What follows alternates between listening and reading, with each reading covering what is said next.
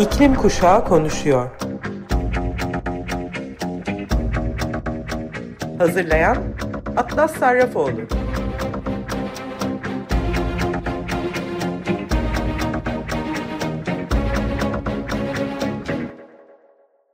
Merhaba sayın İklim Kuşağı konuşuyor dinleyicileri. Programın en başında haftaya Cuma günü küresel iklim grevi olduğunu hatırlatarak başlamak istiyorum. Türkiye'deki iklim aktivistleri bir araya gelerek geçtiğimiz hafta pazar günü bir duyuru yayınladık. Kadıköy'de yapılacak grevin farklı saatlerde farklı yerlerde yapılacağı açıklandı. Kadıköy İskele'de yapılacak basın açıklamasının ardından akşam saatlerinde Hasanpaşa'da Gazhane'de konser ve sohbetler olacak. Katılmak isterseniz Youth for Climate Türkiye veya Fridays for Future Türkiye hesaplarından takip edebilirsiniz. Gelelim bu haftaki konumuza. Nature Food'da yayınlanan bir çalışma gıda sisteminin küresel emisyonların %34'ünden sorumlu olduğunu söylüyor. IPCC raporuna göre bu oran gıda sistemi boyunca ekin ve hayvancılık faaliyetlerinden %10-12, ormansızlaştırma ve turbalık arazi bozulması dahil arazi kullanımı ve arazi kullanımı değişikliğinde %8-10, tedarik zinciri faaliyetlerinde %5-10 olarak ayrılıyor. Bu tahmin gıda kaybı ve atıklardan kaynaklanan sera gazı emisyonlarını da içeriyor.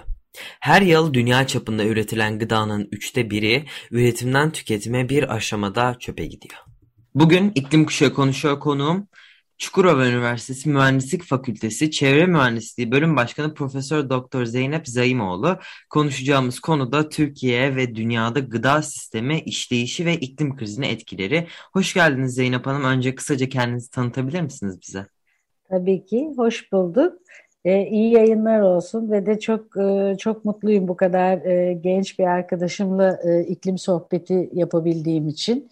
Bu en büyük amaçlarımızdan bir tanesi biliyorsunuz. Akademisyen olarak e, bu hedefe ilerliyoruz. E, kendimi tanıtacak olursam e, ben Profesör Doktor Zeynep Zaimoğlu. Çukurova Üniversitesi biraz evvel Atlas'ın söylediği gibi Çevre Mühendisliği bölümünün öğretim üyesiyim eş zamanlı e, ya, uzun bir süreçtir e, iklim değişikliği ve tarım etkileşimi çalışıyorum. E, hem e, Amerika Birleşik Devletleri'nde Cornell ve West Virginia Üniversitelerinde e, çalıştım. E, onun dışında Avrupa Birliği'nin e, belli bir takım projelerinde yer aldım. E, hem ziraat mühendisi kökenliyim. Yani lisans ve yüksek lisans doktoram ziraat mühendisliğinden. Ee, daha sonra çevre mühendisliğinde doçentliğim ve profesörlüğüm var. Onun için de genel anlamda iklim değişikliği ve tarım etkileşimi benim ana konum.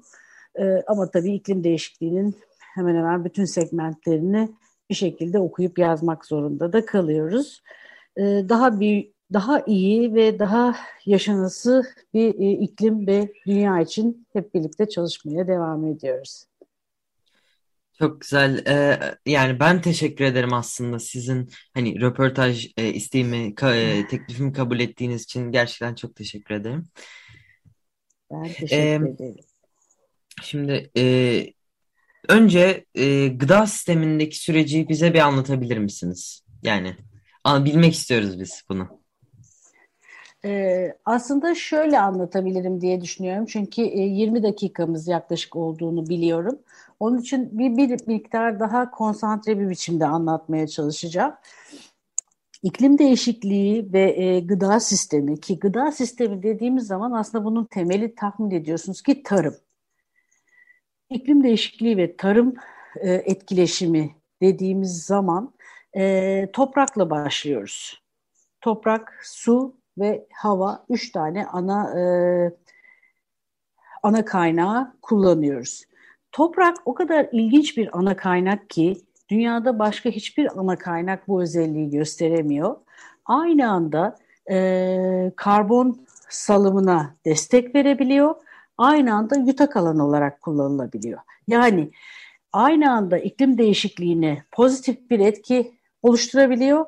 Aynı anda iklim değişikliğiyle savaşta bizim için en değerli asker. Peki toprak buna nasıl karar veriyor diye düşündüğümüz zaman aslında buna biz karar veriyoruz insanlık. Ee, toprağı nasıl kullandığımız, tarım yaparken ne kadar fazla karbon saldığımız e, bu anlamda önemli bir parametre. Bu parametreyi belirlediğimizde e, gıda sistemi tekrar söylüyorum e, aynı anda negatif toprağa doğru kullanırsak aynı anda pozitif bir biçimde bize geri dönüş sağlayabiliyor. E, ve temelde toprakla başlayan tarım ve gıda endüstrisi e, lojistikle devam edip sonuçta bizim sofralarımıza kadar ilerleyen aynı anda karbon, aynı anda su ayak izi gerçekten çok ciddi miktarda olan bir sektörden bahsediyoruz. Evet aslında çok genel bir konu yani hepimizin hayatını etkileyen bir konu çünkü hani bahsettiğimiz konu yemek, yiyecek, tarım, hayvancılık endüstrisi ve daha birçok şey. Dolayısıyla hepimizi etkiliyor. Yani iklim krizini de etkilediği için bir yandan hepimizi etkiliyor. İşte burada sormak istediğim de aslında bu süreçte hani gıda sisteminin iklim krizine nasıl bir olumsuz katkısı oluyor? Yani dedik işte bu e, hani gazlar salabiliyor, bazı kötü etkileşimleri olabiliyor. Ama hani bu konuyu biraz açabilirsek çok sevinirim. E, iklim değişikliğine e, gıda sektörünün nasıl etkisi oluyor? İklim değişikliğine gıda sektörü aslında enerji sektörünün hemen arkasından e, etkileyen sektörlerin ilk e, dördünde yer alıyor. Yani ilk dört sektörden bir tanesi e, karbon ve eşdeğeri gazları salıma e, salımını etkileyen ya da karbon ya da eşdeğeri gazlar salabilen e, ilk dört sektörden bir tanesi tarım sektörü. Tarım sektörü bu e, karbon ve eşdeğeri gazların nasıl salıyor atmosfere diye baktığımızda e, birincisi mekanizasyon son derece e, önemli bir parametre tahmin ediyorsunuz. E, tarım ve tarımda kullanılan mekanizasyon sistemleri, tarımın içerisindeki e, kullandığımız gübreler, bu gübrelerin özellikle kimyasal gübrelerin üretim prosesleri, sonrasında lojistikler, bütün e, bu tarımda kullandığımız kimyasallar ve materyallerin e, tarlanın başına kadar e, gelmesini sağlayan taşımacılık etkileri, sonrasında hasat, hasat sürecinde kullandığımız etkiler, toprak işleme dediğimiz toprağın sürülmesi ve toprağın e, ekime ve dikime hazırlanması bu süreçlerin tamamı ne yazık ki e, atmosfere karbon salımını ya da karbon eşdeğeri gazların salımını etkiliyor. Burada hayvancılık tamamen farklı bir sektör olarak aslında e, iklim değişikliğinde yer alıyor. Çünkü hayvancılıkta çok daha fazla metan salımı söz konusu ve bu metan salımını e, azaltabilmekte çok güç, e, en ciddi e, zorluklardan bir tanesi. Dikkat ederseniz son 5 yıllık periyotta bütün dünyada e, iklim dostu söylevler e, hayvansal gıdaların daha az tüketilmesi ve hayvancılığın bir miktar daha e, az yapılabilmesi yolunda. E, organik tarım ve organik üretimle ilgili bir sertifikasyon sistemi var. Bütün dünyada hı hı. E, bu sertifikasyon sistemi 3 aşağı 5 yukarı aynı. Hı hı. Ee, organik tarımda ya da organik hayvancılıkta eğer böyle bir üretim yapmayı planlıyorsanız, böyle bir üretim yapmayı hedefliyorsanız e, size bu sertifikasyonu sağlayacak akredite firmalarla e, anlaşıyorsunuz ve bu firmalar sizi e, tamamen e, organik üretim yapabilmenizi yapabilmeniz için gerekli bilgiyle donatmakla beraber sizi eş zamanlı olarak da kontrol etmekle ve sertifikasyonunuzu sağlamakla görevliler. Tüm hı hı. bu süreci tamamen e, doğru bir biçimde e, sonlandırdığınızda sizin ürününüz artık organik ürün halinde e, piyasaya sunulabiliyor. Bu organik üründe e, bir e, etiketle e, tüketicinin e, kullanımına ya da tüketicinin tercihine sunuluyor.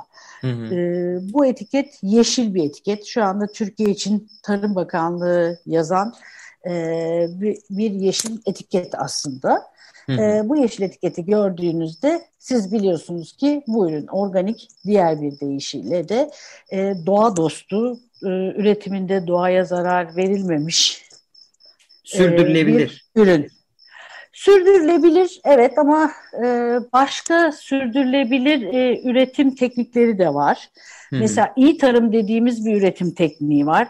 E, biraz konudan uzaklaştık gibi görünüyor belki ama tüketicilerin bunu bilmesi çok önemli. Tabii e, ki. İyi tarımda da e, gerektiği kadar kimyasal kullanılan, gerektiği zamanda gerektiği kadar kimyasal kullanılan e, optimum miktarlarda e, kimyasal kullanımına izin verilen, yine sertifikasyon e, şirketleri tarafından denetlenen e, bir üretim tekniği. Onun da bir etiketi var.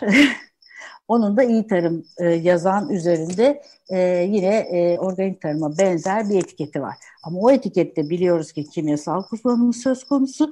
Ancak gerektiği kadar, gerektiği zamanda, gerektiği miktarda. Netflix üzerinde bir belgesel var Seaspiracy adında. Denizcilik evet. yani deniz hayvan ürün yani e, deniz ürünleri hakkında ürünleri. aslında balıkçılık Hı-hı. üzerine bir belgesel. Hı-hı. Hani nasıl bir katliam yaşatıldığını anlatan bir belgesel bir yandan da ve hani bilmiyorum izlediniz mi ama e, orada aslında şundan bahsediyor. Bazı sertifikalar veriliyor evet ama bunlar denetlenmeden doğru düzgün denetlenmeden veriliyor. E, dolayısıyla çok da bir anlamı olmuyor gibi bir şey vardı. Benim aklıma şimdi bu takıldı. Hani ne kadar şey olabiliyor bunu da sormak istiyorum. Ne kadar uygun, ne kadar düzenli bir şekilde verilebiliyor? Hani yüzde yüz tabii ki olma, olmama şansı var ama hani ne kadar düzgün? Şimdi şunu söylemek mümkün. Ee, burada aslında belki bunu ayrı bir programla anlatmak lazım ama burada aslında şunu söylüyoruz. Ee, birincisi bu sertifikasyonu verebilecek firmalar mutlaka bakanlık tarafından akredite edilmiş firmalar e, bu akredite edilmiş firmalar siz denetliyorlar. O firmaları da bakanlık denetliyor. Yani aslında bir e, sürdürülebilir denetleme mekanizması var. Ha tabii ki insanın olduğu her yerde tahmin ediyorsunuz başka e, bir takım yanlışların yapılma ihtimali de var. E, ama teoride baktığınız zaman bir denetleme mekanizmasının, denetleme zincirinin olduğu söyle, olduğunu söylemek mümkün. Bunu bir şekilde denetleyebiliyoruz. Ha başka hı hı. problemimiz şu, e, bizler bazen tüketici olarak zannediyoruz ki e, bu e, pazarlarda satılan ürünler organik ya da doğaya saygılı. E, bu da çok karmaşık bir şey. Aslında e, çok da öyle değil. Çünkü küçük üreticinin e, organik sertifikası alabilmesi çok pahalı ve zor bir şey. Küçük üretici bu sertifikaları alamıyor. E, kimi zaman ki çoğunlukla bu e, pazarlarda e, daha mass market dediğimiz yoğun endüstriyel tarım ürünlerini de görmek mümkün. E, yani semt pazarlarından satın aldığımız şeyler, ürünler, tarım ürünleri e, için organik demek son derece zor. Organik pazarlardan satın aldığınız ürünler için e, organik sertifikasını e, üreticiye ya, ya da satıcıya sorabilirsiniz. Bu sizlerin en doğal hakkı. Ama sent pazarları için bunu söylemek çok e, gerçekçi olmaz diye düşünüyorum. Anladım. Ee, şimdi benim e, merak ettiğim başka bir konu. Ben Fridays for Future aktivistlerinin hani son bir senedir sürdürdüğü e, Withdraw the Cap kampanyasında yer alıyorum. Hı hı. E, bu yeni yasa ile hani Paris Anlaşması hedeflerine ulaşmamız mümkün görünmüyor. Hı hı. E, siz Avrupa'nın Avrupa Birliği'nin yeni tarım politikası hı hı. hakkında ne düşünüyorsunuz? Şöyle Avrupa Birliği'nin yeni tarım politikası hakkında e, ne düşünüyorum? Aslında güzel bir soru. Biz bunu e, bir takım projelerde de e, dile getiriyoruz. Ge çok genel dünyadaki e, genel e, iklim değişikliği sürdürülebilirlik çalışmalarına baktığımız zaman ya da başka bir deyişle oranladığımız zaman E, açıkçası Avrupa Birliği'nin ortak tarım politikaları dediğimiz e, politikalarını çok da olumsuz görmek mümkün değil. Diğer e, dünyadaki diğer e, grupların, diğer ülkelerin e, tarım politikalarıyla karşılaştırdığımız zaman neden bunu da söyleyebilirim. E, şimdi şöyle bir gerçek var. Küresel düzeyde bakacak olursak 2050 yılı itibariyle e, 9 milyara ulaşması tahmin edilen dünya nüfusunun beslenmesi için bugünkü gıda üretimimizin iki katına çıkması gerekiyor. Şimdi bu demektir ki dünyada çok ciddi bir nüfus zaten şu anda da açlıkla karşı karşıya ve yetersiz besleniyorlar FAO'nun değerlerine göre. E, bence iki katına çıkarmamız çok mümkün olmayacak iklim değişikliğiyle birlikte, onun negatif etkileriyle birlikte. E, bu durumda yetersiz beslenen nüfus çok ciddi bir biçimde artacak. Buna karşılık Avrupa Birliği'nin ortak tarım politikasında şöyle bir e, sürdürülebilirlik e, mottosu var aslında. İklim değişikliğinin sürdürülebilir Avrupa Birliği tarımı önündeki zorluklara e, azaltım ve uyum çalışmalarına destek olmak için bir takım araçlar sunuyorlar. Bir tanesi doğal kaynaklar üzerinde artan baskıyla birlikte tarımsal faaliyetler sürdürülebilir üretim uygulamalarını desteklemek.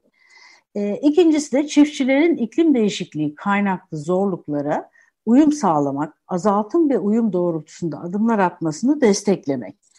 Şimdi burada e, açıkçası ortak tarım politikalarına baktığımız zaman Avrupa Birliği'nin e, üç tane ana motto görüyoruz. Üç tane ana mottoyu yerleştirdiğinde ya da üç tane ana e, felsefeyi ana zorunluluğu oluşturduğunda yeşil doğrudan ödeme dediği bir ödeme yapıyor çiftçilerine. Nedir bunlar? Birincisi eğer çiftçi biyolojik çeşitliliği koruyorsa, ikincisi su ve toprak kalitesinin üretim süreçleri boyunca gözetiyorsa, üçüncüsü de karbon yutak alanlarını koruyor ve e, bu amaca hizmet edecek alanları oluşturuyorsa çiftçiyi e, doğrudan yeşil ödemeyle destekliyor ki bu sürdürülebilirlik adına bence çok önemli. E, bir diğeri de e, iklim değişikliği mücadele konusunda çiftçiliği destekleyecek yani genç çiftçileri kesinlikle destekleyecek e, tarımı bir meslek haline getirebilecek e, bir takım önlemlerle e, özellikle sosyal desteklerle e, bu süreci destekliyor gibi görünüyor. Yeterli mi? Tabii ki değil ama en azından bir sürdürülebilirlik algısından söz etmek mümkün diye düşünüyorum. Anladım. Yani aslında daha fazla benim söylemek yani benim söyleyebileceğim şu daha fazla çalışmamız, daha organize olmamız gerekiyor. Yani şimdi anlattığınız bütün bilgiler hani evet yasa e, tabii ki de yetersiz. Hani şu andaki Hı hı. genel baktığımız zaman bütün dünyadaki iklim yasaları aslında yetersiz kalıyor. O yüzden hani Tabii bizim ki. de yapmaya çalıştığımız iklim aktivistleri olarak yapmaya çalıştığımız şey bu. Hani bir örnek olarak söylemek istediğim Paris Anlaşması mesela. Türkiye Paris Anlaşması'nı onaylamayan Hı 5 hı. ülkeden bir tanesi. Ama yani Evet, tabii onayladığımız zaman da bitmiyor. Bunu uygulamak gerekiyor Evet. ülke olarak, bütün dünya olarak aslında. E, ama ülkeler meclisinden geçirdiği ve onayladığı için ülke bazında düşünmek gerekiyor ve Türkiye maalesef bu 5 ülkeden bir tanesi olarak kaldı. İyi, Yani Tabii ki. 2016'da imzaladık, 2015'te Hı hı. çıkmış bir şey olmasına rağmen. Ama bu şekilde. Hı hı. E, şimdi bir de e, son soruma geliyorum çünkü süremiz yavaştan e, bitiyor. E, yani Tamam. en doğru çözümümüz nedir? Bireysel çözümler yeterli mi sizce? Ben olaya şöyle bakıyorum. Birincisi iklim değişikliği aslında siyaset üstü bir konudur. Çünkü iklim değişikliği e, hepinizin geleceğidir. E, onun için siyaset üstü bir konuda öncelikli olarak bireyden başlayıp topluma, toplumdan başlayıp e, ulusa, uluslardan da uluslararası önlemlere doğru gitmek gerekiyor diye düşünüyorum. Şimdi bizde şöyle bir anlayış var. Ben ne yapabilirim ki tek başıma? Yani ben benim ne kadar gücüm olabilir gibi e, insanoğlunun kendini rahatlattığı ve e, tabiri caizse sahanın dışına attığı bir e, algı söz konusu. Oysa ki algının bu olmaması lazım. Ben bu noktada bireysel çabaların, e, bireysel farkındalıkların e, toplumu, ülkeyi ve politikaları değiştirebileceğini düşünüyorum. E, çok küçük örneklerle belki ilerleyebiliriz. Hep bunu söylüyorum. Hepimizin birer tane matarası olsa ve e, artık e, pet şişelerden su satın almamaya çalışsak. Küçücük, küçücük bir adım bu aslında ama az değil. E, yediğimiz, içtiğimiz her şeyin bir karbon ve su ayak izi olduğunu fark etsek tüketirken e, ve mümkünse tüketebileceğimiz kadarını satın almaya çalışsak. Tüketebileceğimiz kadarını satın almaya çalışırken yerelden satın almaya çalışsak. Bunun anlamı şu, eğer benim ülkemde bir ananas tüket, e, üretilmiyorsa, e, ananas tüketmesek de belki olabilir. O ananas okyanusu aşarak size ulaşıyor. Ha şimdi şöyle bir şey söylüyor gençler ya da e, bunu söylediğim insanlar. E artık gelmiş marketin rafında. Ben bunu almazsam e, bu da çürüyecek. E, bari alayım. Burada şöyle bir e, handikap oluşuyor aslında. Biz onu satın alıyoruz buraya kadar gelmiş diye ama doğal olarak zaten satılan ürünlerin içerisinde olduğu için tekrar e, getirttiriliyor. Onun için söylüyorum tüketici davranışları o kadar değerli ki bizler küçücük küçücük küçücük tüketici davranışı değişiklikleriyle ve farkındalıklarıyla aslında toplumları ve politikaları e, yönlendirebiliriz. Bunun için de gençler ve e, genç iklim aktivistleri hepimiz için çok değerlisiniz. E, gerçekten çok mutluyum sizlerle birlikte olabildiğim için. Çok teşekkür ederiz. Evet aslında sizin de söylediğinize küçük bir değinip ondan sonra röportajı yavaş yavaş bitirmek istiyorum. Evet umutsuzluk var ve hani ben ne yapacağım ki ben ne yapabilirim ki konusu var. Rahatlık var hani ben yani artık benden geçti gibi bir rahatlık var. Yani dediğimiz gibi bu algının değişmesi gerekiyor. Onun dışında evet kişisel değişimleri de yapmamız gerekiyor. Organize olup harekete geçmek bunların başında geliyor. İklim aktivisti olmak bunların başında geliyor. Ee, ben sizlere değerli vaktinizi, değerli fikirlerinizi, düşüncelerinizi, bilgilerinizi bizimle paylaştığınız ve tekrardan e, söylemek istiyorum. Röportajı kabul ettiğiniz için çok teşekkür ediyorum. Çok güzel bir program oldu. Ee, ben teşekkür ediyorum. Sizlerle olmak gerçekten çok keyifli. Tekrar söylüyorum. Ee, gençler bizim e, aslında hedef kitlemiz. Çünkü e, bu krizde en yoğun yaşayacak olan sizlersiniz. En uzun süre yaşayacak olan sizlersiniz. E, onun için sizlerin farkındalığını oluşturabilmek çok değerli. E, sizlerle olduğum için de gerçekten tekrar tekrar teşekkür ediyorum. Çok teşekkürler. Görüşmek üzere. Teşekkür ederim. Kolay gelsin. Evet Sayın Açık Radyo dinleyicileri bir iklim kuşağı konuşuyor programının daha sonuna geldik. Umarım sizler için yararlı, zevkli, güzel bir program olmuştur. Ancak programı kapatmadan önce Marmara'da yaşanan kabus bitti mi? Acil eylem planı ne kadar başarılı oldu bu konuda inandırıcı ve net bir açıklama henüz duyamadık. Ee, ve benim her hafta sorduğum sorular var. Bu sorularımı tekrarlıyorum. Acaba Marmara'yı bundan sonra kirlenmeden korumak için neler yapılacak? Derin deniz deşarjı durduruldu mu? Sanayi acaba atıklarını denize dökmeye devam ediyor mu? Eko kırım bir gün suç olarak kabul edilecek mi? 2 Temmuz'da Ergene Nehri'nin kirliliğinin araştırılması önergesi neden reddedildi? Bunların cevabını alana kadar sormaya devam edeceğim. Cevapları alabilirsem eğer sizlerle de paylaşmak istiyorum. Haftaya Cuma saat 14'te tekrardan görüşmek üzere.